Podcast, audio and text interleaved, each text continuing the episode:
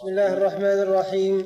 الحمد لله رب العالمين والصلاة والسلام على نبينا محمد وعلى آله وصحبه أجمعين.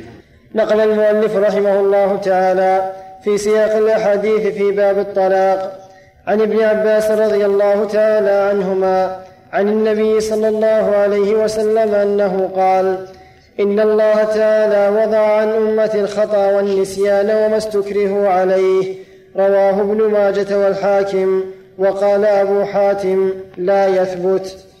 وعن ابن عباس رضي الله عنهما قال إذا حرم امرأته ليس بشيء وقال لقد كان لكم في رسول الله صلى الله عليه وسلم أسوة حسنة رواه البخاري.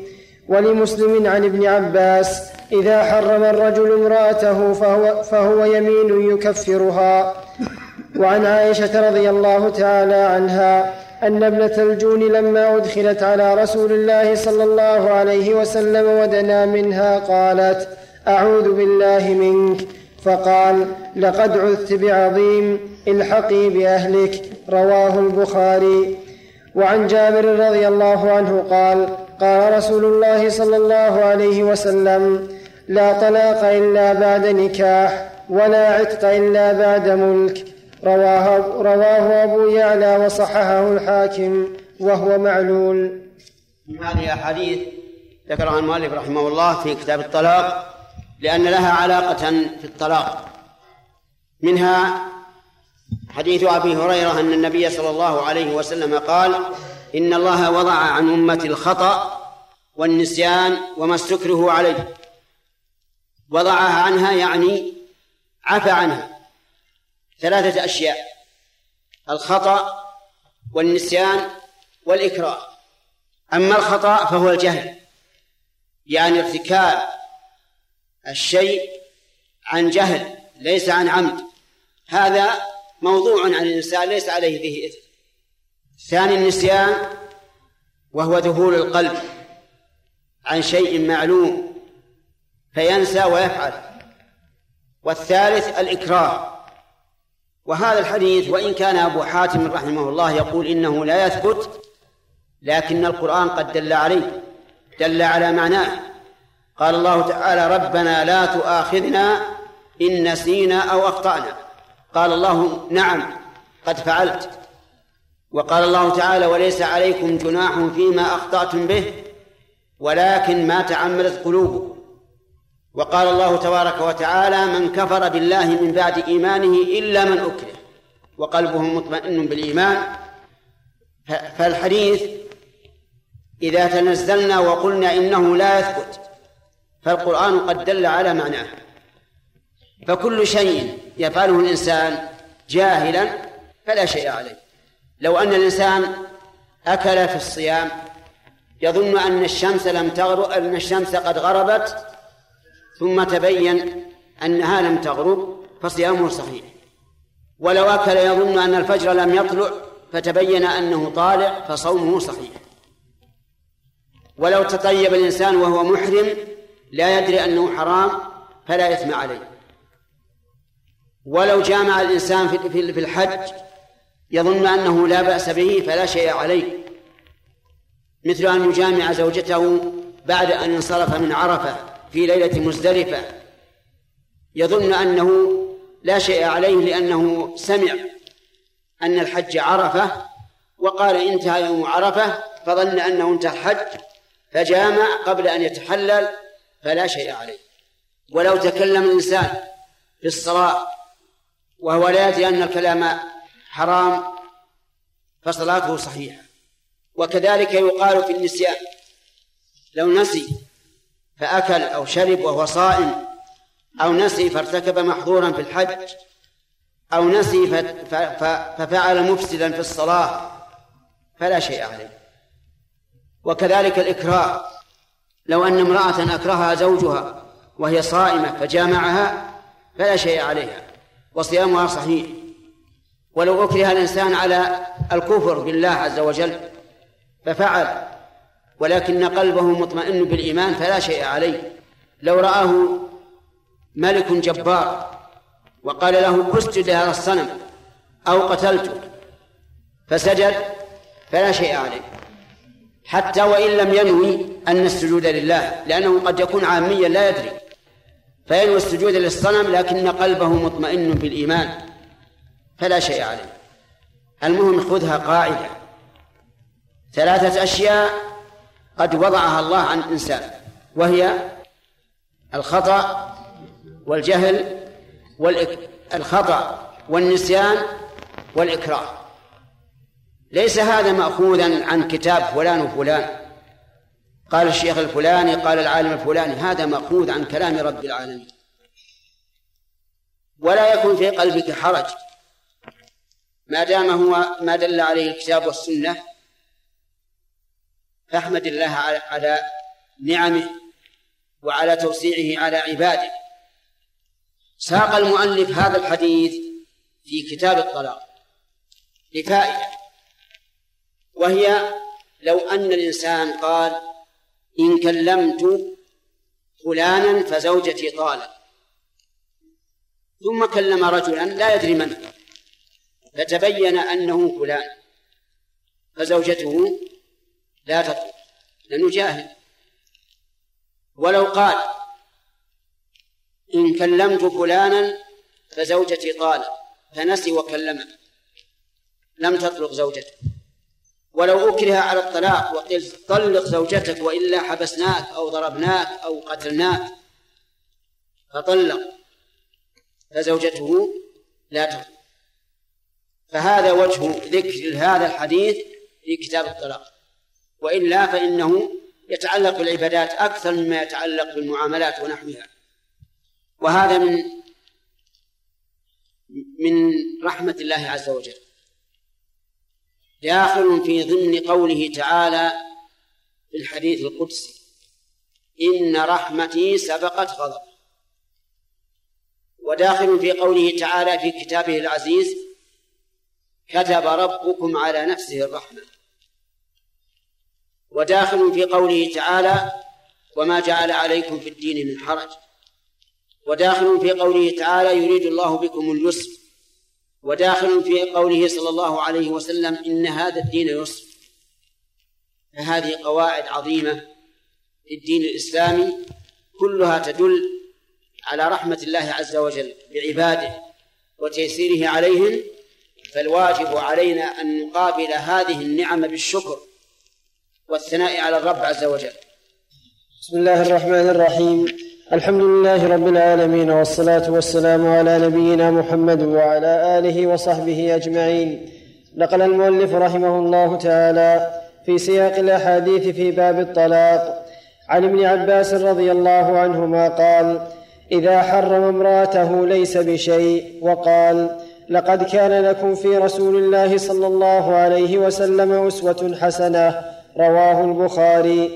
ولمسلم عن ابن عباس إذا حرم الرجل امرأته فهو يمين يكفرها. وعن عائشة رضي الله تعالى عنها أن ابنة الجون لما أدخلت على رسول الله صلى الله عليه وسلم ودنا منها قالت أعوذ بالله منك. فقال لقد عذت بعظيم الحقي بأهلك. رواه البخاري. وعن جابر رضي الله عنه قال قال رسول الله صلى الله عليه وسلم لا طلاق إلا بعد نكاح ولا عتق إلا بعد ملك رواه أبو يعلى وصححه الحاكم وهو معلول.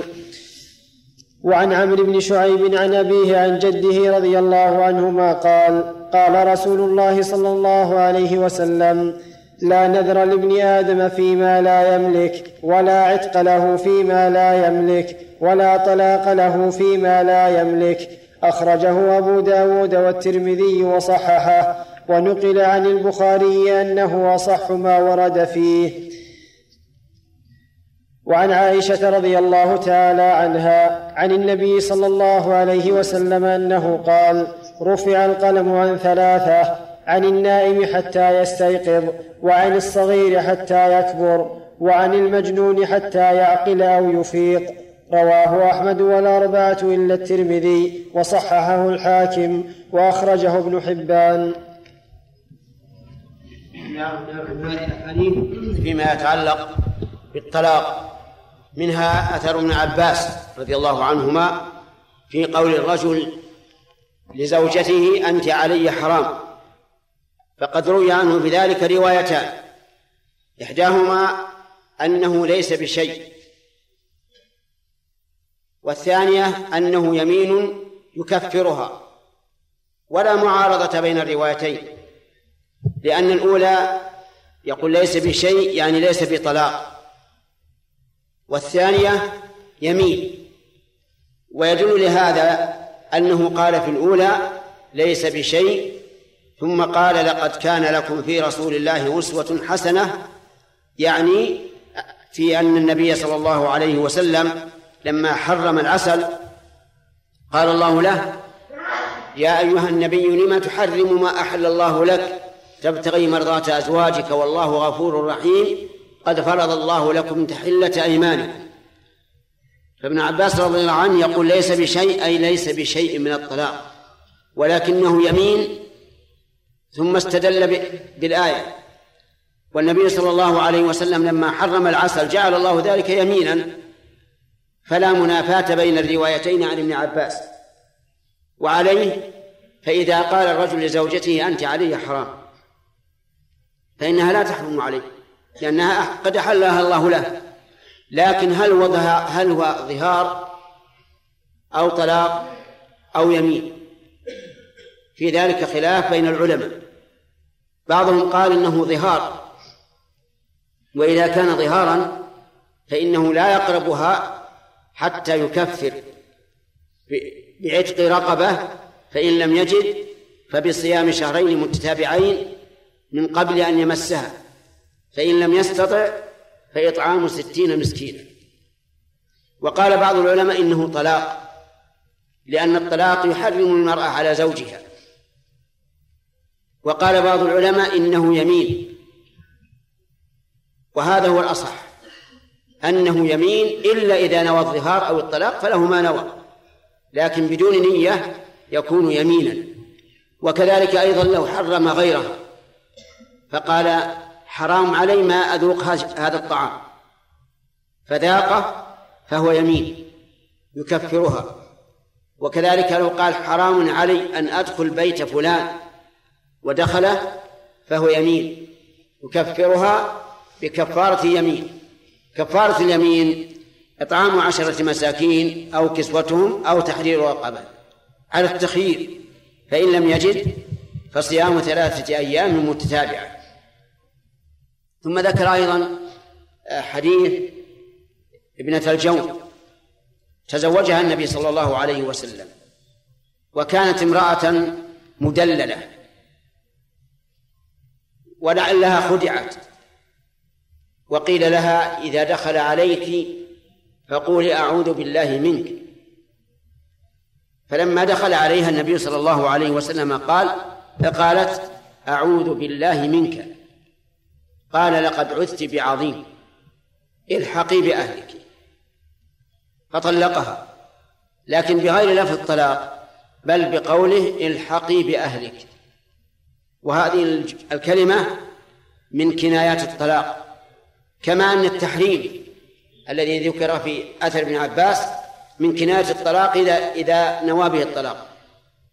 ومن ثم أخذ العلماء رحمهم الله أن الطلاق له صريح وله كناية.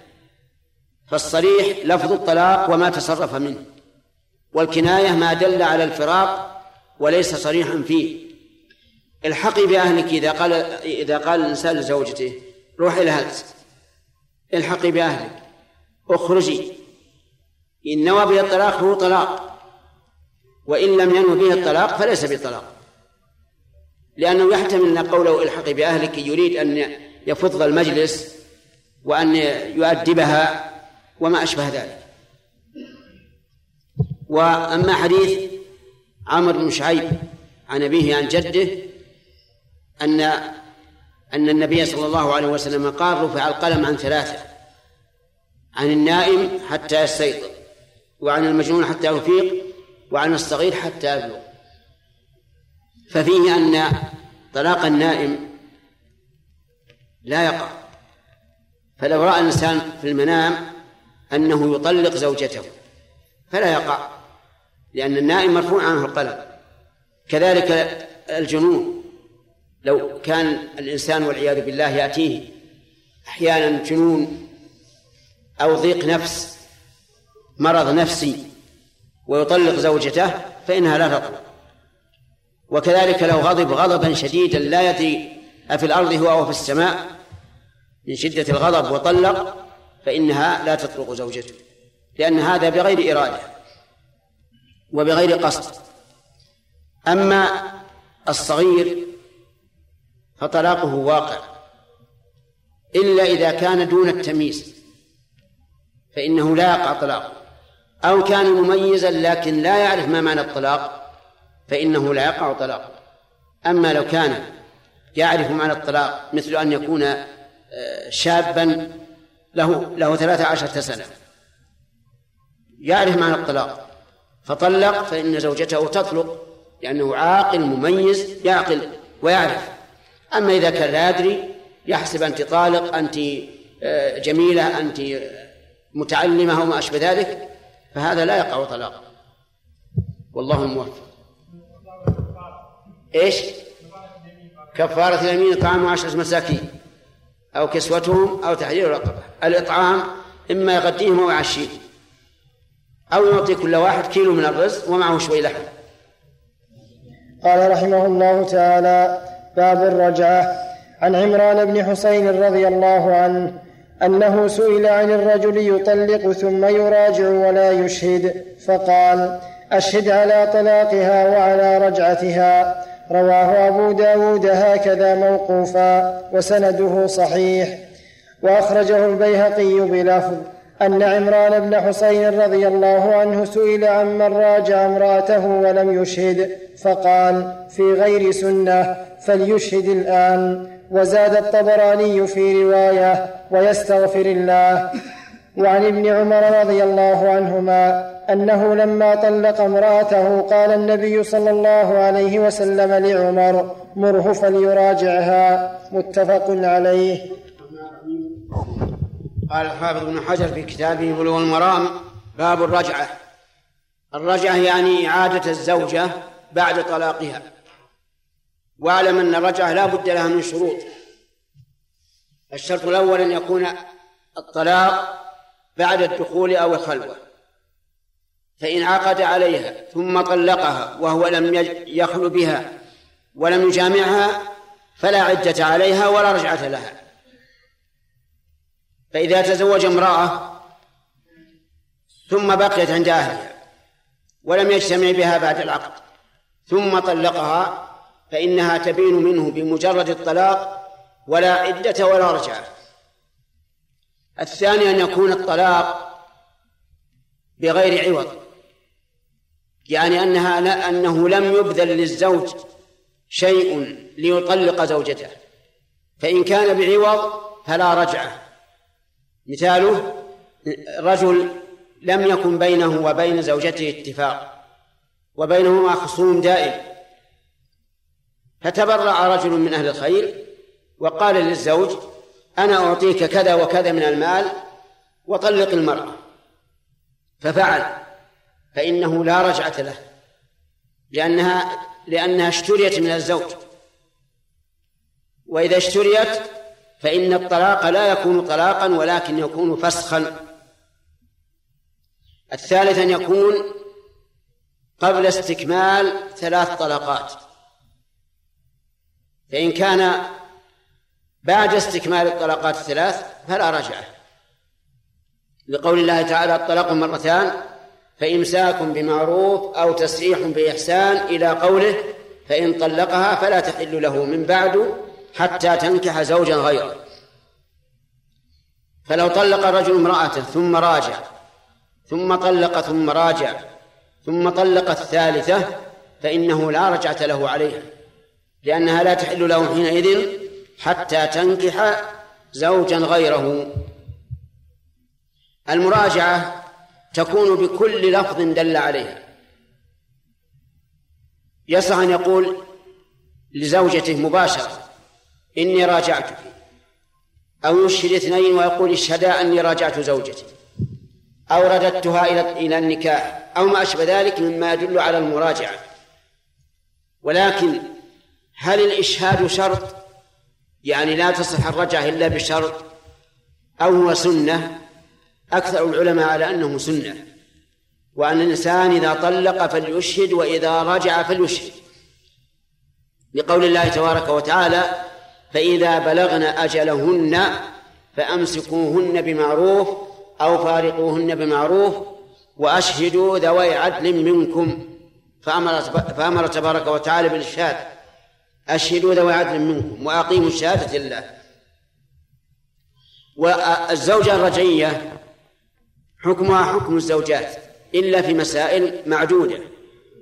فيجوز لها أن تتزين لزوجها وأن يخلو بها وأن يخاطب يكلمها إن لأنها زوجة. وهل له أن يجامعها؟ قال بعض العلماء نعم له أن يجامعها وإذا جامعها فهي رجعة وإن لم يتلفظ بالرجوع. وقال بعض العلماء لا يجوز أن يجامعها إلا إذا نوى بالجماع المراجعة فيجامع وتكون مراجعة. والله الموفق قال رحمه الله تعالى باب الإيلاء والظهار والكفارة. عن عائشة رضي الله عنها قالت آلى رسول الله صلى الله عليه وسلم من نسائه وحرم. فجعل الحرام حلالا وجعل لليمين كفاره رواه الترمذي ورواته ثقات. وعن ابن عمر رضي الله عنهما قال إذا إذا مضت أربعة أشهر وقف المولي حتى يطلق إذا مضت أربعة أشهر وقف المولي حتى يطلق ولا يقع عليه الطلاق حتى يطلق. أخرجه البخاري. وعن سليمان بن يسار رضي الله عنه قال أدركت بضع بضعة عشر رجلا من أصحاب رسول الله صلى الله عليه وسلم كل كلهم يقفون المولي رواه الشافعي. وعن ابن عباس قال كان إيلاء الجاهلية السنة والسنتين فوقت الله أربعة أشهر فإن كان أقل من أربعة أشهر فليس بإيلاء. أخرجه البيهقي. وعنه رضي الله عنه أن رجلا ظاهر من امرأته ثم وقع عليها فأتى النبي صلى الله عليه وسلم فقال إني وقعت عليها قبل أن أكفر. قال فلا تقربها حتى تفعل ما أمرك الله به. رواه الأربعة وصححه الترمذي ورجح النسائي إرساله ورواه البزار من وجه آخر عن ابن عباس رضي الله تعالى عنهما وزاد فيه كفر ولا تعد. وعن سلمة بن صخر رضي الله عنه قال دخل رمضان فخفت أن أصيب امرأتي فظاهرت منها فانك قال المؤلف رحمه الله تعالى في كتابه بلوغ المرام باب الإيلاء والظهار والكفارة هذه ثلاث ثلاثة أشياء الإيلاء والظهار والكفارة وهي تبع الظهار. الإيلاء معناه أن يحلف الرجل أن لا يجامع زوجته أربعة أشهر فأكثر. وهو حرام. ولا يحل له أن يفعل ذلك. لأن فيه هضما للمرأة وظلما لها. فإن المرأة لها حق في الجماع كما أن الرجل له حق. فإذا آل الإنسان من أهله يعني من زوجته أربعة أشهر فأكثر. قيل له بعد مضي الأربعة إما أن ترجع إلى زوجتك وتجامعها وتعاشرها المعاشرة الطيبة وإلا طلق. فإن أبى أن يطلق وأبى أن يرجع فللقاضي أن يطلق عليه يطلق امرأته جبرا عليه ويفرق بينهما. أما ما دون أربعة أشهر مثل أن يحلف أن لا يأتي زوجته لمدة أسبوع أو شهر فهذا إن كان له سبب فلا بأس. يعني إن كان له سبب من المرأة أساءت العشرة مع زوجها فحلف أن لا يجامعها هذه المدة التي يرى أنها ترجعها وتؤدبها فلا بأس. لأن النبي صلى الله عليه وعلى آله وسلم آلى من نسائه شهرا لما اجتمعنا عليه. وطال ابنه بالنفقة وهو عليه الصلاة والسلام ليس عنده شيء. آل منهن شهرا وفي تمام تسع وعشرين نزل من المكان الذي هو الذي انفرد به لانتهاء مدة الإيلة. وأما الظهار فهو أقبح وأعظم وأنكر وأزور لأن الرجل يشبه أحل النساء بأحرم النساء. الظهار صورته أن يقول الإنسان لزوجته أنت علي كظهر أمي أو كظهر بنتي أو كظهر أختي أو ما أشبه ذلك. ومعلوم أن المرأة أن الأم حرام على ابنها لا تحل له بأي حال من الأحوال. والزوجة حلال له فإذا قال أنت علي كظهر أمي فقد فقد قال منكرا من القول وزورا. كما قال الله عز وجل وإنهم ليقولون منكرا من القول وزورا. وإذا فعل هذا قلنا له لا تقرب زوجتك حتى تعتق رقبة. فإن لم يجد فصيام شهرين متتابعين. فإن لم يستطع فإطعام ستين مسكينا. هذا قبل أن يأتي الزوجة لأن الله تعالى قال والذين يظاهرون من نسائهم ثم يعودون لما قالوا فتحرير رقبة من قبل أن يتماسا ذلكم توعظون به والله بما تعملون خبير. فمن لم يجد فصيام شهرين متتابعين من قبل أن يتماسا. فمن لم يستطع فيطعم ستين مسكينا وقد كثر من من الحمقى. والسفهاء كثر منهم التحريم تحريم الزوجات والظهار وقول أنت علي مثل أختي مثل أمي. وكل هذا منكر وحرام. و و ويجب أن يتجنب الرجل امرأته إذا ظهر منها حتى يكفر. نسأل الله لنا ولإخواننا الهداية وأن يعصمنا وإياهم من الزلل. أجمعين. نقل المؤلف رحمه الله تعالى في سياق الأحاديث في باب اللعان. عن أبي هريرة رضي الله عنه أن رجلا قال يا رسول الله إن امرأتي ولدت غلاما أسود. قال هل لك من إبل؟ قال نعم. قال فما, فما ألوانها؟ قال حمر. قال هل فيها من أوراق؟ قال نعم. قال فأنى ذلك. قال لعله نزعه عرق. قال فلعل ابنك هذا نزعه عرق. متفق عليه. وفي رواية لمسلم وهو يعرض بأن ينفيه وقال في آخره ولم يرخص له في الانتفاء منه. قال قال المؤلف ابن حجر رحمه الله في كتابه بلوغ المرام باب اللعان. اللعان معناه أن الزوج والزوجة يتلاعنان عند القاضي.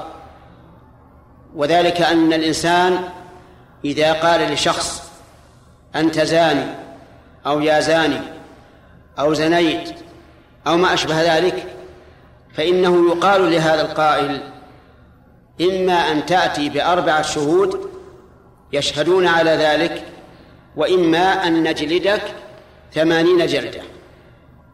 لقول الله تبارك وتعالى والذين يرمون المحصنات ثم لم ثم لم يأتوا بأربعة شهداء فجلدوهم ثمانين جلدة.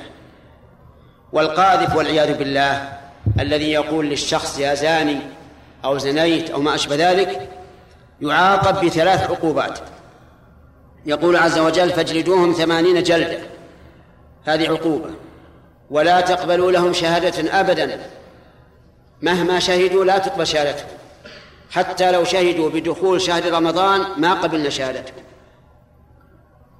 وأولئك هم الفاسقون أي يحكم بفسقهم وخروجهم عن العدالة. فلا يكون فلا يكون الرجل وليا على ابنته ولا على أولاده ولا يصلي بالناس إماما على رأي كثير من العلماء. المهم أنها ثلاث عقوبات عظيمة. لأن هذا الرجل الذي دنس عرض أخيه أصابه بمصيبة عظيمة حيث وصفه بالزنا والعياذ بالله أو باللواط أو ما أشبه ذلك. أما بالنسبة للزوج إذا قال لزوجته أنت زانية فإنه يقال إما أن تأتي بأربعة شهداء يشهدون أنها زنت وإما أن نجلدك ثمانين جلدة. وإما أن تلاعن. وصفة اللعان أن يحضر عند القاضي هو والزوجة. ويشهد بالله أربع شهادات. أنه صادق فيما فيما قال لها وفي الخامسة يقول وأن لعنة الله عليه إن كان من الكاذبين. فإذا كان كاذبا استحق لعنة الله والعياذ بالله. وهو الطرد والإبعاد عن رحمة الله. فإذا فرغ من الشهادات الخمس قيل للزوجة يلا إما أن تردي هذا وإما أن نقيم عليك الحد. فإذا ردت هذا فلا بد أن تشهد. أربع شهادات. تقول أشهد بالله أن هذا الرجل كاذب علي فيما وصفني به من الزنا. وفي الخامسة تقول وأن غضب الله عليها إن كان من الصادقين. كم هذه؟ خمس من من الزوج. خمس من الزوجة. وحينئذ يفرق بينهما في النكاح. ولا تكون زوجة له. ولا تحل له أبدا. أحيانا يشك الإنسان في ولده. إذا ولدته الزوجة. إما أن يكون شبهه ما هو على شبه أبوه ولا أم ما هو على شبه أبوه. أو يكون لونه أبيض والأب أسود. أو بالعكس. فإذا شك في الولد هل هو منه أو من غيره فإنه لا يحل له أن أن يقذف زوجته. ويقول هذا الولد مهم منه وأنت زانية. لأن الله سبحانه وتعالى على كل شيء قدير. قد يخلق من الأحمر أسود ومن الأسود أحمر. ولهذا ذكر المؤلف رحمه الله هذا الحديث الذي رواه أبو هريرة أن رجلا أتى إلى النبي صلى الله عليه وسلم. قال يا رسول الله إن امرأتي ولدت غلاما أسود. كأنه يعرض بأن الولد ليس له. وكان النبي صلى الله عليه وسلم حكيما في تعليمه لأنه مبلغ بلاغا مبينا عليه الصلاة والسلام. وهذا الرجل كان بدويا له إبل. قال له النبي صلى الله عليه وسلم هل لك إبل؟ قال نعم لي إبل. قال ما ألوانها؟ قال ألوانها حمر. قال هل فيها من أورق؟ يعني أشهب؟ قال نعم. قال منين جاء؟ الإبل حمر ذكوره وإناثه وهذا أشهب من أين جاء؟ قال يا رسول الله لعله نزعه عرق. يعني يمكن آباؤه أو أو أجداده آباؤه أو أمهاته فيها هذا اللون وأنه جذبه. فقال ابنك هذا لعله نزعه عرق. إذا كان هذا الجمل الأشهب من بين الإبل الحمر ذكورة وإناثة يمكن أحد من آبائه أو من أمهاته أشهب. هذا ابنك يمكن بعض الآباء من جهة أمه أو من جهة أبيه كان أسد فاقتنع الرجل اقتنع تماما لأن هذا مثل هذا بالضبط وهو دليل على أن الإنسان لا يحل له أن ينتفي من ولده بمجرد أن لونه خالف لونه أو أشباهه خالفت أشباهه وليطمئن وليدع القلق وليستعذ بالله من الشيطان الرجيم وليتذكر قول النبي صلى الله عليه وسلم الولد للفراش وللعاهر الحجر. والله الموفق قال رحمه الله تعالى باب العدة والإحداد والاستبراء وغير ذلك. عن المسور بن مخرمة أن سبيعة الأسلمية رضي الله عنها نفست بعد وفاة زوجها بليال فجاءت النبي صلى الله عليه وسلم فاستأذنته أن تنكح فأذن لها فنكحت. رواه البخاري وأصله في الصحيحين. وفي لفظ أنها وضعت بعد وفاة زوجها بأربعين ليلة. وفي لفظ لمسلم قال الزهري ولا ارى باسا أن تزوج وهي في دمها غير أنه لا يقربها زوجها حتى تطهر. بسم الله الرحمن الرحيم رحمه الله تعالى باب العدة والاستحداد والاستبراء وغير ذلك.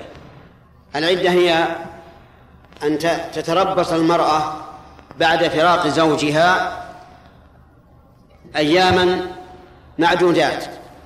واعلم أن العدة من الوفاة تجب سواء دخل بها الزوج أو لم يدخل بها وسواء خلا بها أم لم يخل بها بمجرد العقد إذا مات عنها زوجها وجبت عليها العدة.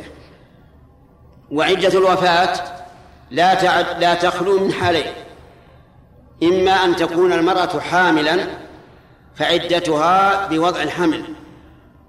وإما أن تكون غير حامل فعدتها أربعة أشهر وعشرة أيام. ولا عبرة بالحيض في عدة الوفاة. فهي لها حالان فقط.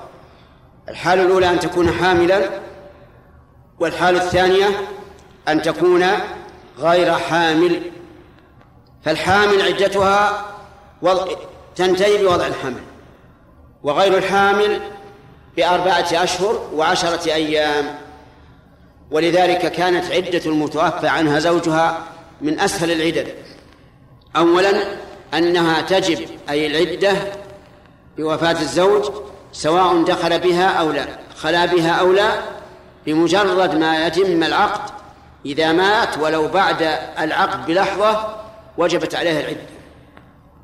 حتى لو فرض أنه عقد له في بلد والزوجة في بلد.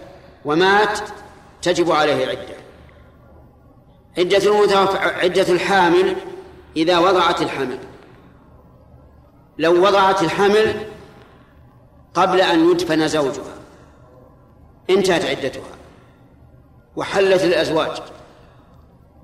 بدليل حديث المسور بن مخرمة رضي الله عنه في قصة سبيعة الأسلمية. امرأة توفي عنها زوجها.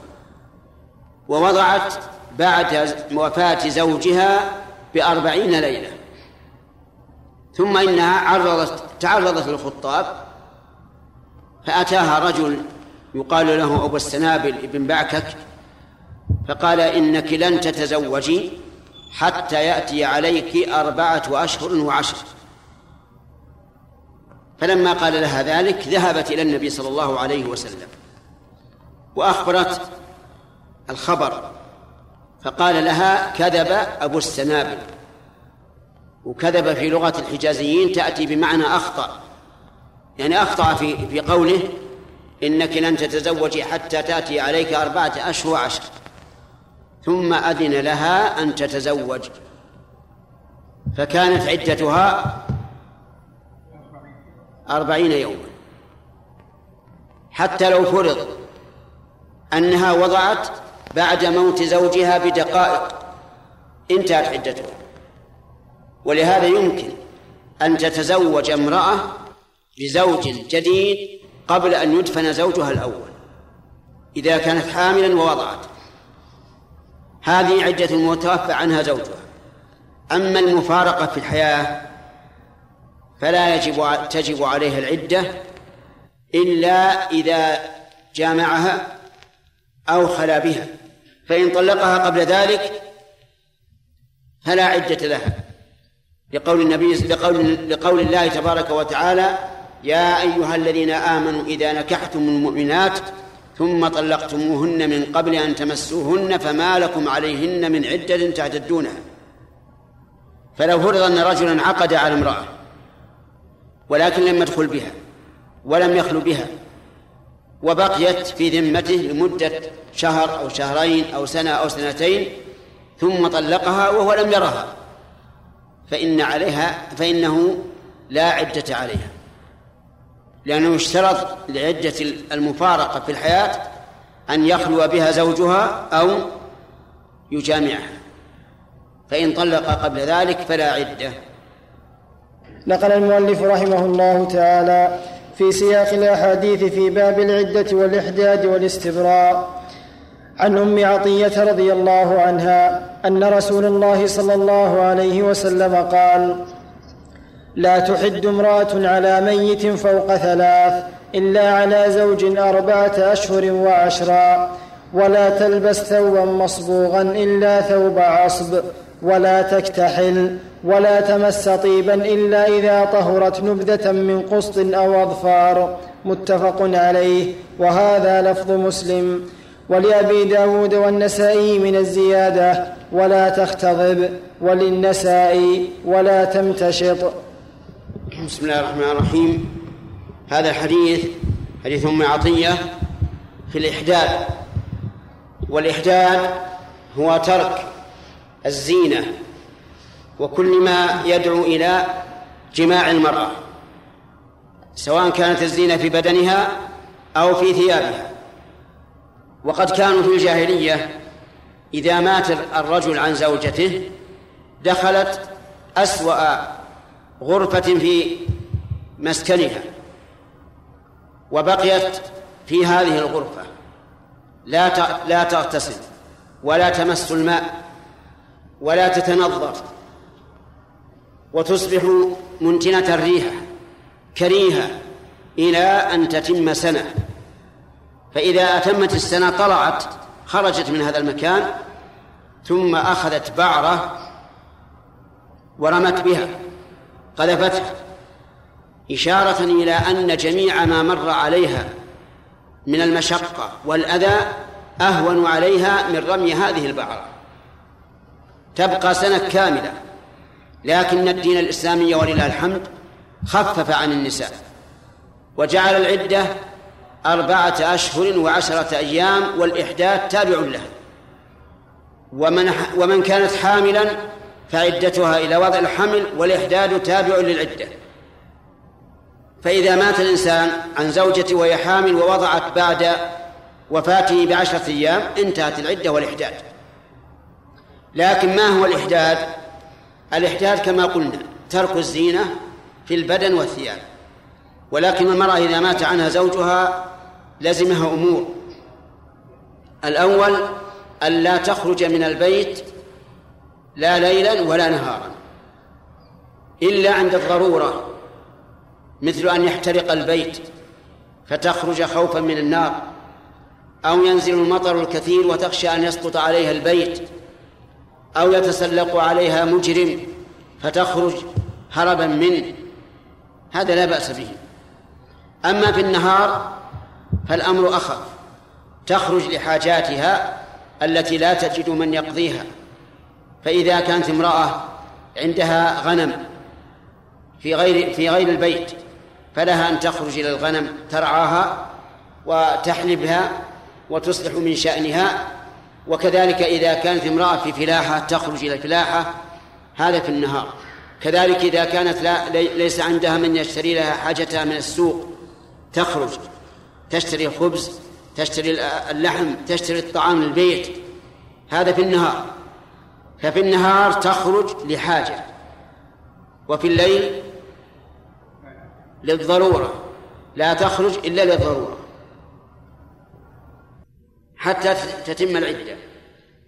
الثاني تتجنب جميع أنواع الطيب لا تتطيب في رأسها ولا في بدنها ولا في ثوبها كل أنواع الطيب إلا إذا طهرت فإنها تتطيب بالعود لأجل دفع رائحة النتن الذي الذي يكون بسبب الحيض. الثالث تتجنب جميع الحلي. بأنواعه. الخواتم الأسورة الخلاخيل الخروس. كل ما يلبس من الحلي من ذهب أو فضة فإنه يجب عليها أن تتجنبه. وما كان عليها فلتخلعه. فإن لم تستطع أن تخلعه لكونه ضاق عليها قصته. وإذا ظهرت من العدة تلبس الخامس أن لا تتجمل بالثياب. بمعنى أن لا تلبس ثياب زينة. أما الثياب العادية فلا بأس بها سواء كانت حمراء أو خضراء أو سوداء لكن لا تكن لباس ثياب جمال وزينة لأن هذا محرم كما نهى عنه النبي صلى الله عليه وعلى آله وسلم. وأما مخاطبة الرجال والرد على التلفون والرد على من قرع الباب باب السوق فكل هذا جائز. كذلك الصعود إلى السطح أو الخروج إلى حوش البيت وما أشبهه فهذا كله جائز. وما يفعل وما يظنه بعض العوام أنها لا تخرج إلى حوش البيت ولا تكلم الرجال ولا تخرج إلى البيت ولا تخرج إلى القمر في حال إبداله وما أشبه ذلك كل هذا لا أصل له. وأما الإحداد على ميت غير الزوج فإنه لا يجوز إلا في خلال ثلاثة, ثلاثة أيام. فقد رخص النبي صلى الله عليه وسلم في الإحداث لمدة ثلاثة أيام على الميت زوج أو غير زوج. لأن النفوس قد تكتئب اكتئابا عظيما. وتحزن حزنا عظيما. فرخص الشارع ولله الحمد أن يعطي الإنسان حظها نفسه أن يعطي الإنسان نفسه حظها من الاكتئاب بحيث مثلا لا يتجمل أو لا يتطيب أو لا يفتح الدكان أو ما أشبه ذلك. لكن في خلال ثلاثة أيام فقط وتركه أولى. يعني ترك الإحجار على غير الزوج أولى وأن الإنسان ينبغي له أن يعتصم بالله عز وجل وأن يتصبر وإذا حزن يخرج إلى السوق ويمشي مع الناس وكأن شيئا لم يكن. هذا هو الأفضل. وأما المطلقة فالمطلقة لا تحد لكن الرجعية تبقى في البيت كأنها لم تطلق إلى أن تنتهي العدة. وأما الطلاق البائن فالمرأة تخرج من بيت زوجها لأنها لا تحل له ولكنها تحفظ نفسها في وقت العدة حتى تنتهي العدة. والله الموفق نقل المؤلف رحمه الله تعالى في سياق الأحاديث في باب العدة والإحداد والاستبراء. عن أم سلمة رضي الله عنها قالت جعلت على عيني صبرا بعد أن توفي أبو سلمة. فقال رسول الله صلى الله عليه وسلم إنه يشب الوجه فلا تجعليه إلا بالليل وانزعيه بالنهار ولا تمتشطي بالطيب ولا بالحناء فإنه خضاب. قلت بأي شيء أمتشط؟ قال بالسدر. رواه أبو داود والنسائي وإسناده حسن. وعنها رضي الله عنها أن امرأة قالت يا رسول الله إن ابنتي مات عنها زوجها وقد اشتكت عينها أفنكح أفنكحلها؟ أفنكحلها؟ قال لا متفق عليه. وعن جابر رضي الله عنه قال طلقت خالتي فأرادت أن فأرادت أن تجد نخلها فزجرها رجل أن تخرج فأتت النبي صلى الله عليه وسلم فقال بلى جدي نخلك. فإنك عسى أن تصدقي أو تفعلي معروفا. رواه مسلم. وعن فريعة بنت مالك أن زوجها خرج في طلب أعبد له فقتلوه. قالت فسألت رسول الله صلى الله عليه وسلم أن أرجع إلى أهلي فإن زوجي لم يترك لي مسكنا يملكه ولا نفقة. فقال نعم. فلما كنت في الحجرة ناداني فقال امكثي في بيتك حتى يبلغ الكتاب أجله. قالت فاعتدت, فاعتددت فيه أربعة أشهر وعشرا. قالت فقضى به بعد ذلك عثمان. أخرجه أحمد والأربعة وصححه الترمذي والذهلي وابن حبان والحاكم وغيرهم. من هذه أحاديث فيما يلزم المرأة المحادة تجنبه. سبق لنا شيء من هذا ومن ذلك أن المرأة لا تمتشط بالحنة ولا بالطيب وإنما تمتشط بالسجن لأن النبي صلى الله عليه وسلم نهى عن ذلك. فكل ما فيه تجميل كتحمير الشفاه والمكياج وغيرهما وغيرهما فإنه ممنوع على المحادة ممنوع عنه عليها. لا يحل لها أن تفعل. لأن ذلك خلاف الإحداث. كذلك أيضا الكحل. لا تكتحل. إلا إذا احتاجت فإنها تكتحل بما ليس له لون. كالصبر تكتحل به في الليل وتمسحه في النهار. ومن ذلك العصائر التي تعصر في العين. من الأدوية لا بأس بها في الليل وتمسح في النهار وأما الكحل الأسود فلا يجوز أبدا حتى أن امرأة اشتكت إلى النبي صلى الله عليه وسلم أن ابنتها مات عنها زوجها واشتكت عينها. أفنكحلها قال لا. لا تكحل لا, يعني أنه ممنوع. حتى قال ابن حزم رحمه الله لا تكتحل ولو أدى ذلك إلى العمى. لأن النبي صلى الله عليه وسلم منع ولم يستفصل. وفي هذا الحديث دليل على أن التداوي بالحرام حرام.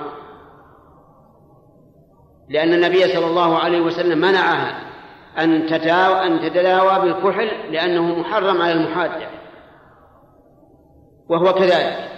فإن التداوي بالحرام محرم. لأنه لو كان فيه خير ما حرمه الله عز وجل. كيف يحرم الله على عباده ما ما فيه الخير؟ أبدا. هذا لا يمكن.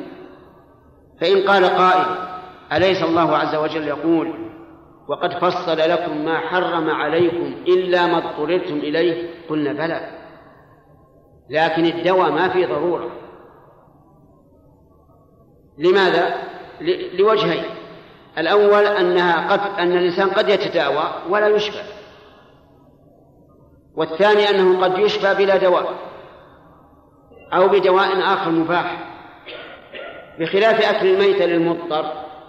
الإنسان إذا جاع ولم يجد إلا ميتة أكل منها قدر حاجته لكن الدواء لا. حتى لو قال الأطباء إن هذا الدواء لابد أن يفعل وإلا مات الإنسان نقول لا يفعل.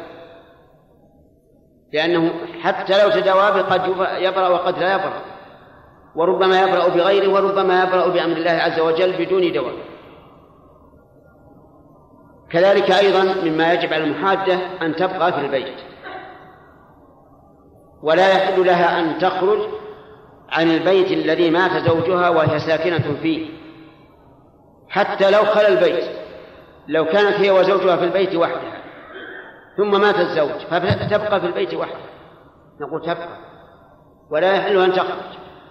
إلا إذا خافت على نفسها مثل أن تكون في حي يخشى من الفسقة والفجار أن يتسلقوا عليها أو ما أشبه ذلك فحينئذ إما أن أن تؤجر من يبقى عندها في الليل وإما أن يسكن معها أحد من أقاربها وإما أن تخرج إلى بيت مأمون.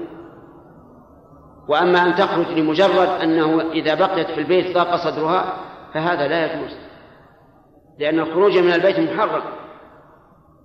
فإذا قال قائل لو أن امرأة ذهبت مع زوجها إلى بلد آخر ليعالج ومات في البلد هل يلزمها أن تبقى في البلد التي هي فيها غريب؟ أو لها أن ترجع إلى إلى بيتها في بلدها؟ فالجواب أنها بالخيار. إذا كان سفرا فهي بالخيار إن شاءت بقيت في البلد الذي مات زوجها وهي فيه وإن شاءت رجعت إلى بلدها لكن إن كان قريبا وجب أن ترجع إلى بلدها فمثلا لو أن الرجل من أهل من أهل عنيزة وذهب هو وزوجته إلى بريدة فمات هناك. يلزمها أن ترجع إلى عنيزة لأن ما بينهما ليس بسفر. أما لو ذهب إلى الرياض ومات في الرياض وهي معه فلها الخيار. أن تبقى مدة الإحداث في الرياض أو أن ترجع إلى بلدها عنيزة وقد سلى النبي صلى الله عليه وسلم النساء اللاتي يجب أن يبقين في البيوت بما كان عليه أهل الجاهلية. حيث أنهم في الجاهلية تبقى المرأة في أقبح بيت لها ولا تخرج ولا تتو... ولا تتوضأ ولا تغتسل ولا تفعل أي شيء ما تلمس الماء أبدا. فإذا تم الحول خرجت وأخذت بعرة ورمت بها. إشارة إلى أن بقاءها في بيتها هذه المدة مع المشقة والتعب والأذى أهون عليها من رمي البعرة الآن الحمد لله الدين الإسلامي لا يلزمها إلا بأربعة أشهر وعشرة أيام إلا أن تكون حاملا فإلى أن تضع الحمل ومع ذلك تتوضأ وتغتسل وتفعل كل شيء. وهنا مسائل تشكل على بعض النساء. منها أن بعض النساء يقول يقولن المرأة المحادة لابد أن تغتسل كل يوم جمعة. وهذا غلط. ليس عليها غسل. هي وغيرها سواء. كذلك يقولون إنها لا تمتشر وهذا غلط. لها أن تمتشر وتكد رأسها. لكن لا لا تمتشط بالحناء والطين. يقولون إنها لا تخرج في الليل إلى الحوش. وهذا غلط. تخرج إلى الحوش ولا حرج. يقولون إنها لا تصعد إلى السطح إذا كان القمر بدرا يعني مبدرا وهذا غلط. تخرج إلى السطح وإلى الحوش وإلى ما شاء. كذلك يقولون يجب أن تصلي الفريضة من حين أن يؤذن. وهذا غلط. هي وغيرها سواء. متى شاءت صلت لكن لا تخرج لا تؤخر الصلاة حتى يأخر الوقت. وبعضهم عكس هذا. يقول يجب أن تصلي إذا إذا مع صلاة الإمام. تتحرى الإقامة وتصلي إذا ظنت أن الإمام يصلي. وهذا أيضا غلط. يقولون أيضا أنها لا تخاطب الرجال. لا في التلفون ولا عند الباب ولا إذا دخل البيت أحد من معارفها لا تسلم عليه ولا ترد عليه السلام. هذا أيضا غلط. هي في الكلام كغيره. تكلم كما شاءت غير أن لا تخضع بالقول. والله موفق. نقل المؤلف رحمه الله تعالى في سياق الأحاديث في باب العدة والإحداد والإحداد والاستبراء. عن ابن عباس رضي الله عنهما عن النبي صلى الله عليه وسلم أنه قال لا يخلون رجل بامرأة إلا مع ذي محرم. أخرجه البخاري. باب الرضاع. بسم الله الرحمن الرحيم. قال المؤلف رحمه الله فيما ساقه في كتاب العدة كتاب العدل عن ابن عباس رضي الله عنهما أن النبي صلى الله عليه وعلى آله وسلم قال لا يخلون رجل بامرأة إلا مع ذي محرم. هذا قاله النبي صلى الله عليه وسلم وهو يخطب الناس على المنبر. أعلنه عليه الصلاة والسلام إعلانا من أبلغ الإعلانات. مما يدل على أهمية الموضوع. فنهى أن يخلو الرجل بالمرأة. الرجل البالغ بالمرأة البالغة أو بالمرأة التي تشتهيها النفس إلا مع ذي محرم. وذلك لأنه إذا خلا بها كان الشيطان ثالثهما والعياذ بالله. ومن كان الشيطان ثالثه فلا تسأل عن حاله. ورداءة مآله نسأل الله العافية. وهذا يشمل الخلوة بها في البيت والخلوة بها في السيارة والخلوة بها في السفر والخلوة بها في السفر فيها محذوران إذا لم يكن معها محرم. أما البيت فلا يجوز للإنسان أن يخلو بالمرأة التي ليست زوجة ولا من محارمه سواء كانت من أقاربه كبنت عمه مثلا أو من غير أقارب وسواء كانت زوجة لأخيه أم لم تكن زوجة. كثير من الناس يتهاون في خلوة الرجل بامرأته فتجده يخرج إلى العمل ويبقي أهله مع أخيه في البيت ليس معها محرم. وهذا خطر عظيم وقد بلغنا كثير من الفظائع في هذا الأمر. لأنه إذا ذهب وأبقى الزوجة مع أخيه فإن الشيطان يجري بينهما. ويوجب أن يقع المحذور بينهما. ولا تقل إن أخي آه، عفيف وثقة وامرأتي محافظة وما أشبه ذلك لأن الشيطان كما قال النبي صلى الله عليه وسلم يجري من ابن آدم مجرى الدم فإذا قال قائل إذا كان لا بد أن يخرج الرجل إلى عمله وأخوه ليس له عمل يبقى في البيت فماذا يصنع؟ نقول يجعل بين المجلس الذي فيه الأخ وبين البيت الذي فيه المرأة يجعل بينهما بابا يقفله هو بنفسه ويأخذ مفتاحا ويتحفظ ويأتي في بعض الأحيان مباغتة حتى لا يقع الشيء المكروه. وكذلك السيارة. السيارة إذا كانت المرأة وحدها مع السائق وهو ليس محرما ولا زوجا فالخطر عظيم. قد يكون أعظم من البيت لأنه الآن يتملك فيها ويتحكم فيها. قد يراودها عن نفسها فإذا أبت خرج بها إلى البر ومن الذي يمنعه؟ فلذلك يحرم التهاون في هذا الأمر. بعض الناس والعياذ بالله ممن ليس عندهم غيرة كاملة ولا دين كامل يجعل ابنته أو أخته مع السائق يذهب بها إلى المدرسة سواء كانت معلمة أو متعلمة. وهذا لا يجوز حرام. ولقد بلغني أن بعض السفهاء الضلال في دينهم يذهبون آه، يجعلون السائق يذهب بالبنت وحدها فإذا أقبل على المدرسة نزله لأنه من نظام مدارس البنات أن لا يأتي السواق بالبنت وحدها لكنه يتهرب فيخاف من المخلوقين ولا يخاف من الخالق والعياذ بالله. فالواجب الحذر من هذا والتحصن منه وأن لا يكون الإنسان محسنا للظن في هذا الأمر الذي نهى عنه الرسول صلى الله عليه وسلم.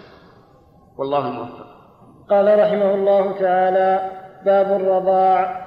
عن عائشة رضي الله عنها قالت قال رسول الله صلى الله عليه وسلم لا تحرم المصة والمصتان. أخرجه مسلم. وعنها رضي الله عنها قالت قال رسول الله صلى الله عليه وسلم انظرن من إخوانكن فإنما انظرن من إخوانكن. فإنما الرضاعة من المجاعة متفق عليه.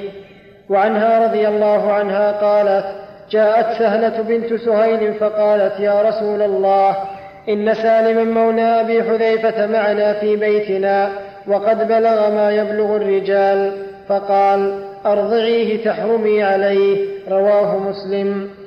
وعنها أن أفلح أخا أبي, أخا أبي القعيس جاء, جاء يستأذن عليها بعد الحجاب. قالت فأبيت أن آذن له.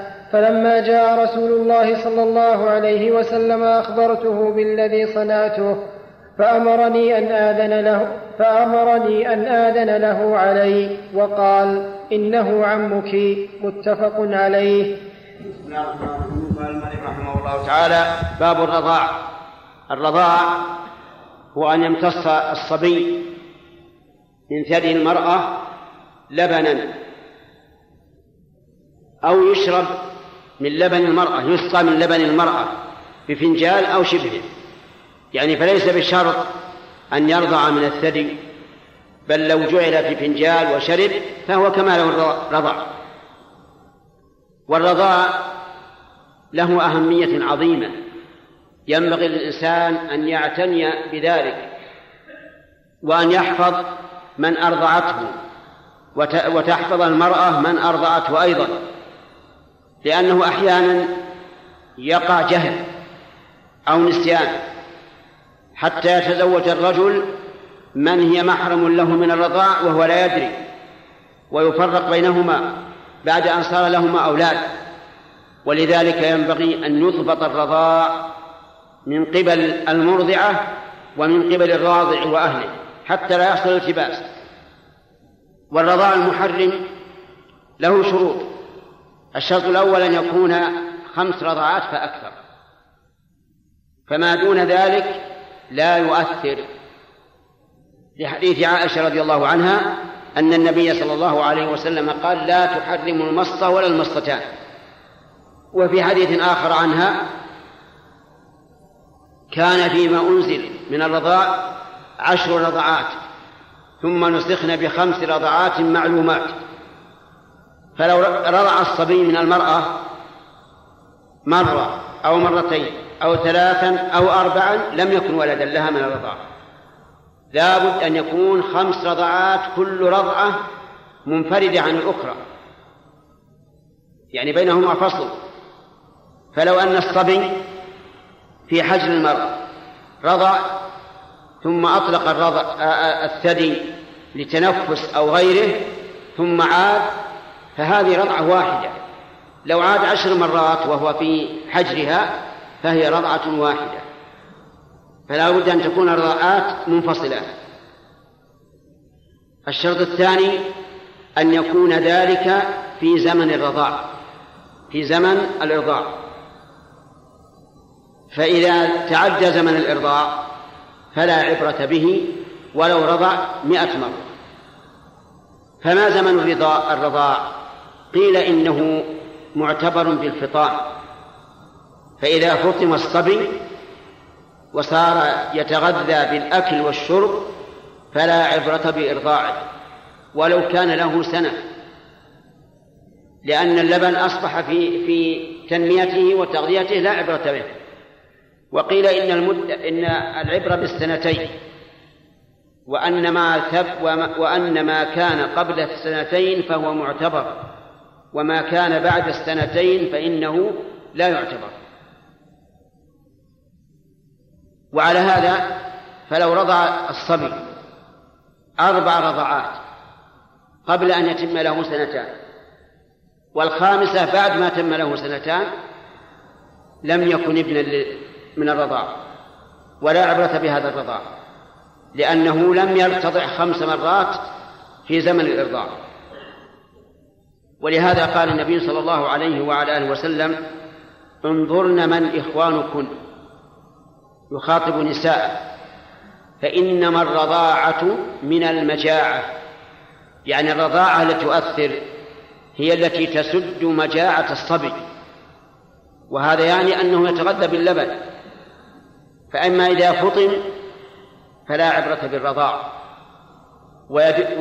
وأما حديث سهلة بنت سهل امرأة أبي حذيفة حين أتت إلى النبي صلى الله عليه وسلم وأخبرته بأن سالم مولى أبي حذيفة كان عندهم في البيت وقد بلغ ما يبلغ الرجال.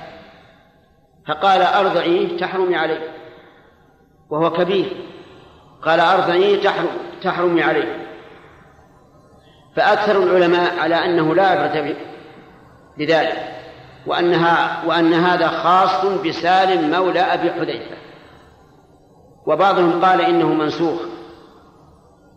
والصحيح أنه خاص به بسالم مولى أبي حذيفة. لكن لو أتى أحد مثل سالم قلنا رضاعه ينفع. لكن لا يمكن أن يأتي أحد مثل سالم. لأن أصل سالم كان أبو حذيفة رضي الله عنه قد تبناه. يعني جعله ابنا له. وكانوا في الجاهلية يتبنون الأطفال. يضمه إليه ويقول هذا ابني. ويرثه ويرثه. ثم أبطل الله هذا التبني. فقال وما جعل أدعياءكم أبناءكم. ذلكم قولكم بأفواهكم والله يقول الحق وهو يهدي السبيل فبطل التبني. كان هذا المولى يعني سالما يدخل على بيت أبي حذيفة على أنه ولده. فلما بطل التبني صار ليس ولدا له. فهل يمكن الآن أن يوجد أحد يتبناه أهل البيت ثم يشق عليهم التحرز منه. فنقول أرضعوه.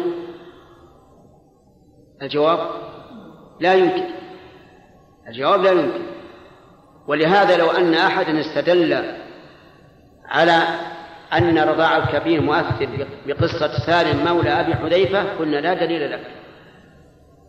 لأنه لا يمكن أن توجد صورة تتحقق فيها مماثلة سالم مولى أبي حذيفة. والقياس لا يتم إلا إذا اتفقت الصورتان المقيس والمقيس عليه. ويدل لهذا أنه لا عبرة برضاع الكبير أن النبي صلى الله عليه وعلى آله وسلم قال إياكم والدخول على النساء. يحذر الإنسان إذا لم يكن محرما أن يدخل على المرأة. قالوا يا رسول الله أرأيت الحمو؟ قال الحمو الموت. يعني فر منه كما تفر من الموت. الحمو هو البلد. من الحمو؟ الحمو أقارب الزوج. أخوه أخوه أو عمه أو خاله أو ما أشبه ذلك يدخل على بيته ويجد زوجته. هذا حرام. ما يجوز يدخل في البيت وليس فيه إلا الزوجة. لو كان رضاع الكبير مؤثرا لقال الرسول صلى الله عليه وسلم الحم ترضعه زوجة حميد ويدخل عليه. والحاجة تدعو إلى هذا. على كل حال رضاع الكبير لا يؤثر. ثم لو قلنا إن رضاع الكبير يؤثر كان فيه مشكلة كبيرة. لكانت المرأة إذا كانت لا تريد الزوجة وفيها لبن منه. صلحت له دلة حليب من لبنها في الصباح ثم سقته إياه. بعد خمسة أيام يكون إيش؟ يكون ولدها من الرضاع وينفصل النكاح. مشكلة هذه. ولذلك لا يتم القول هذا أبدا ولا يصلح ولا يصلح للناس. وهو أيضا من الناحية الشرعية غير صحيح. إذا لابد في الرضاع من خمس رضعات ولا بد أن تكون في زمن الإرضاع إما سنتان أو قبل الفطار واختلف العلماء رحمهم الله هل يشترط أن يكون هذا اللبن ناشئا عن حمل؟ أو لا يشترط؟ الصحيح أنه لا يشترط. فلو أن امرأة لم تتزوج حضنت طفلا وأحبت وصار يتعبث ويرضع من من من ثديها. فاجتمع اللبن وسقت خمس مرات فالصحيح أنها تكون اما له. وهذا يقع. دائما البكر يدر لبنها على الطفل إذا عطفت عليه وحنت عليه. كذلك لو كانت عجوز كبيرة في السن لها سنوات لا تحمل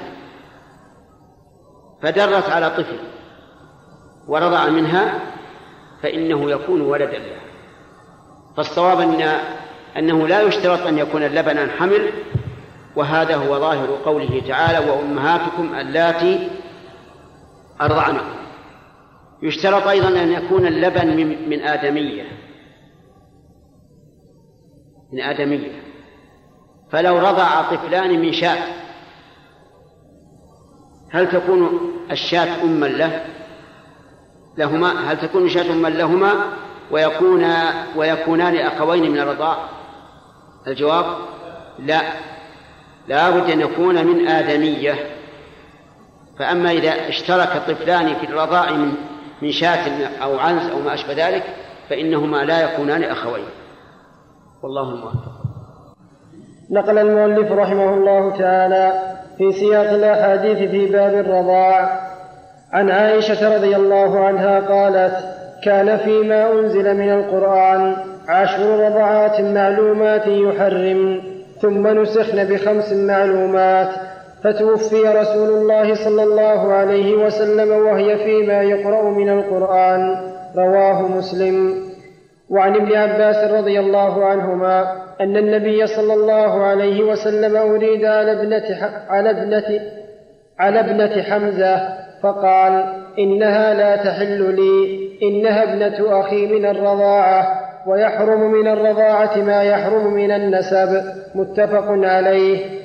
وعن أم سلمة رضي الله عنها قالت قال رسول الله صلى الله عليه وسلم لا يحرم من الرضاع إلا ما فتق الأمعاء وكان قبل الفطام.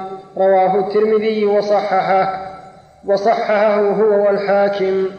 وعن ابن عباس رضي الله عنهما قال لا رضاع إلا في الحولين. رواه الدار قطني وابن عدي مرفوعا وموقوفا. ورجح, ورجح الموقوف. وعن ابن مسعود رضي الله عنه قال قال رسول الله صلى الله عليه وسلم لا رضاع إلا ما أنشز العظم وأنبت اللحم. أخرجه أبو داود. وعن عقبة بن الحارث أنه تزوج أم يحيى بنت أبي إيهاب فجاءت امرأة فقالت لقد أرضعتكما. فسأل النبي, فسأل النبي صلى الله عليه وسلم فقال كيف وقد قيل؟ ففارقها عقبة فنكحت زوجا غيره. أخرجه البخاري. وعن زياد السهمي قال نهى رسول الله صلى الله عليه وسلم أن تسترضع الحمقاء. أخرجه أبو داود وهو مرسل وليست لزياد صحبة. الحديث فيما بقي من أحكام الرضاع. من أهمها قول النبي صلى الله عليه وعلى آله وسلم يحرم من الرضاع ما يحرم من النسب. المحرمات ثلاثة أنواع. محرمات بالنسب يعني بالقرابة. ومحرمات بالرضاع ومحرمات بالمصاهرة. يعني بسبب النكاح. المصاهرة يعني النكاح. هذه ثلاثة أنواع. المحرمات بالنسب ذكرها الله عز وجل في قوله حرمت عليكم أمهاتكم وبناتكم وأخواتكم وعماتكم وخالاتكم وبنات الأخ وبنات الأخت الجميع سبع. هذه المحرمات بالنسب خذ مثلهن من الرضاع يكن حراما. فالمحرمات من الرضاع الأم من الرضاع والبنت من الرضاع والأخت من الرضاع والعمة من الرضاع والخالة من الرضاع وبنت الأخ من الرضاع وبنت الأخت من الرضاع. هذه المحرمات بالرضاع. لقول النبي صلى الله عليه وعلى آله وسلم يحرم من الرضاع ما يحرم من النسب. وعلى هذا فإذا رضع الإنسان من امرأة خمس رضعات في الوقت المحدد فإنه يكون ابنا لها من الرضاع وتكون هي أما له من الرضاع. بناتها أخوات له من الرضاع. أخواتها خالات له من الرضاع. أمهاتها جدات له من الرضاع. آباؤها أجداد له من الرضاع. واعلم أن الرضاع لا يؤثر إلا على الراضع وذريته فقط. أما أقارب الرضاع الراضع فلا فلا فإنه لا أثر للرضاع فيه. الرضاع إنما يكون في الراضع وذريته فقط. وأما أقاربه فليس لهم دخل في الرضاع. وعلى هذا فإذا رضع شخص من امرأة صار ولدا لها من الرضاع. وصار وصار ابنه ابن ابنها من الرضاع. أخوه أخو المرتضع. هل له علاقة بالمرضعة؟ الجواب لا. لا علاقة له بالمرضعة. ولذلك يجوز لأخ المرتضع أن يتزوج بنت الذي بنت التي أرضعته. يجوز لأخ المرتضع أن يتزوج بنت التي أرضعته. وذلك لأنه لا علاقة في الرضاع لأقارب الراضع إلا إلا من؟ إلا ذريته فقط. أما إخوانه وأخواته وآباؤه وأمهاته فلا لهم دخل في الرضاع ثم إن الرضاع يكون من قبل الأب ويكون من قبل الأم. خلافا لظن بعض الناس إنه لا يكون إلا من قبل الأم. الرضاع يكون من قبل الأب ومن قبل الأم. وعلى هذا فلو كان للرجل زوجتان فارضعت إحداهما هذا الطفل والثانية لها أولاد الثانية التي لم ترضع لها أولاد فأولاد الثانية يكونون إيش؟ إخوة للذين للذي رضع من الزوجة الثانية لكنهم يكونون إخوة له من من الأب. كذلك لو كانت الزوجة لو كانت المرأة التي أرضعت لها أولاد من زوج سابق. فأولادها من الزوج السابق إخوة لمن رضع منها لكنهم إخوة من من الأم إخوة من الأم. والقاعدة التي ذكرها النبي صلى الله عليه وسلم تمسك بها فهي فهي القاعدة يحرم من الرضاء ما يحرم من النسب. نعود للمثال الأول رجل آه، رضع من امرأة ولها بنت هذه المرأة هل يتزوج البنت؟ يتزوج ولا لا؟ لا يتزوج لماذا؟ لأنها أخته من الرضاعة أخو المرتضع هل يتزوج البنت؟ نعم يتزوجها لأن ما بينه وبين شيء له بأخ ولا عم ولا خال ما له ما له علاقة. فخذ القاعدة هذه فإنها من معصوم وهو النبي صلى الله عليه وعلى آله وسلم. واعلم أنه بناء على ذلك يمكن أن يكون للإنسان أب من الرضاع وليس له أم من الرضاع له أب من الرضاع وليس له أم من الرضاع وذلك إذا كان للرجل زوجتان فأرضعت إحداهما هذا الطفل ثلاث رضعات والثانية أرضعته ثلاث رضعات وزوجهما واحد. صار الزوج أبا للطفل الذي رضع لأنه رضع من لبنه ست مرات. وليس له كيف ليس له؟ لأن كل واحدة من الزوجات أرضعته ثلاث مرات والثلاث ما يحرم. فصار هذا الطفل له أب من الرضاع وليس له أم من الرضاع. بالعكس قد يكون له أم من الرضاع وليس له أب من الرضاع.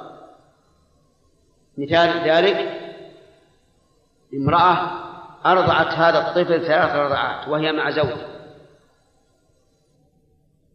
ثم طلقها الزوج وتزوجت بآخر وحملت منه. وأتت بولد. ثم أرضعت الطفل الذي أرضعته وهي عند الزوج الأول أرضعته بعد أن كانت عند الزوج الثاني ثلاث رضعات. كم يكون الطفل رضع من المرأة؟ ست رضعات. لكنه ليس له أب. لأنها أرضعته ثلاث رضعات وهي عند الزوج الأول ثم ثلاث رضعات وهي عند الزوج الثاني. فكل زوج لم يكن أرضع هذا لم يكن هذا الطفل رضع من من لبن امرأته ثلاث خمس مرات. وكما قلنا في الأمس يجب على الإنسان أن يتحفظ من من الرضاع. ويقيد من أرضعه من النساء. ويجب على المرأة أن تقيد من أرضعته من الأطفال حتى لا يحصل التباس عند الكبر. وهذه المسألة والحمد لله أعني إرضاع الأطفال الآن صار قليلا بواسطة ما أنعم الله به على الناس من من اللبن الصناعي. فإن كثيرا من الأطفال استغنوا به عن لبن الآدميات.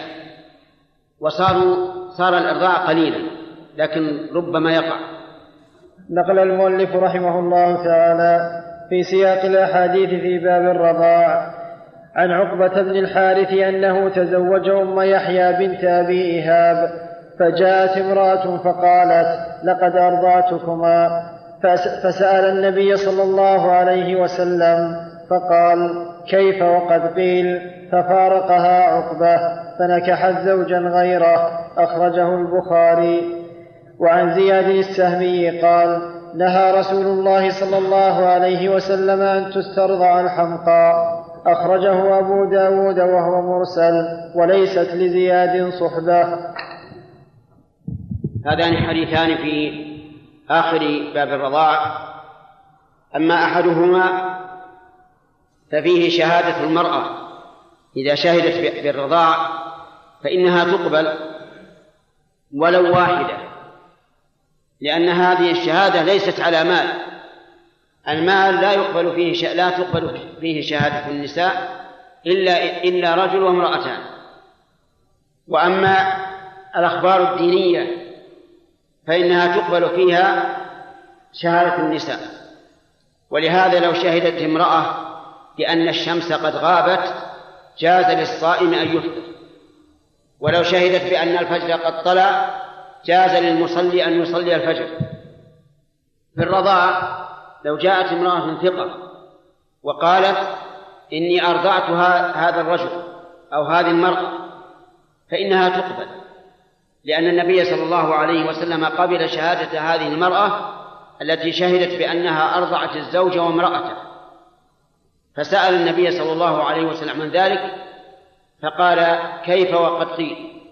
ففارقها وتزوجت من بعده ولكن إذا كانت المرأة الشاهدة لا تعرف شروط الرضاعة فلا بد من مناقشتها.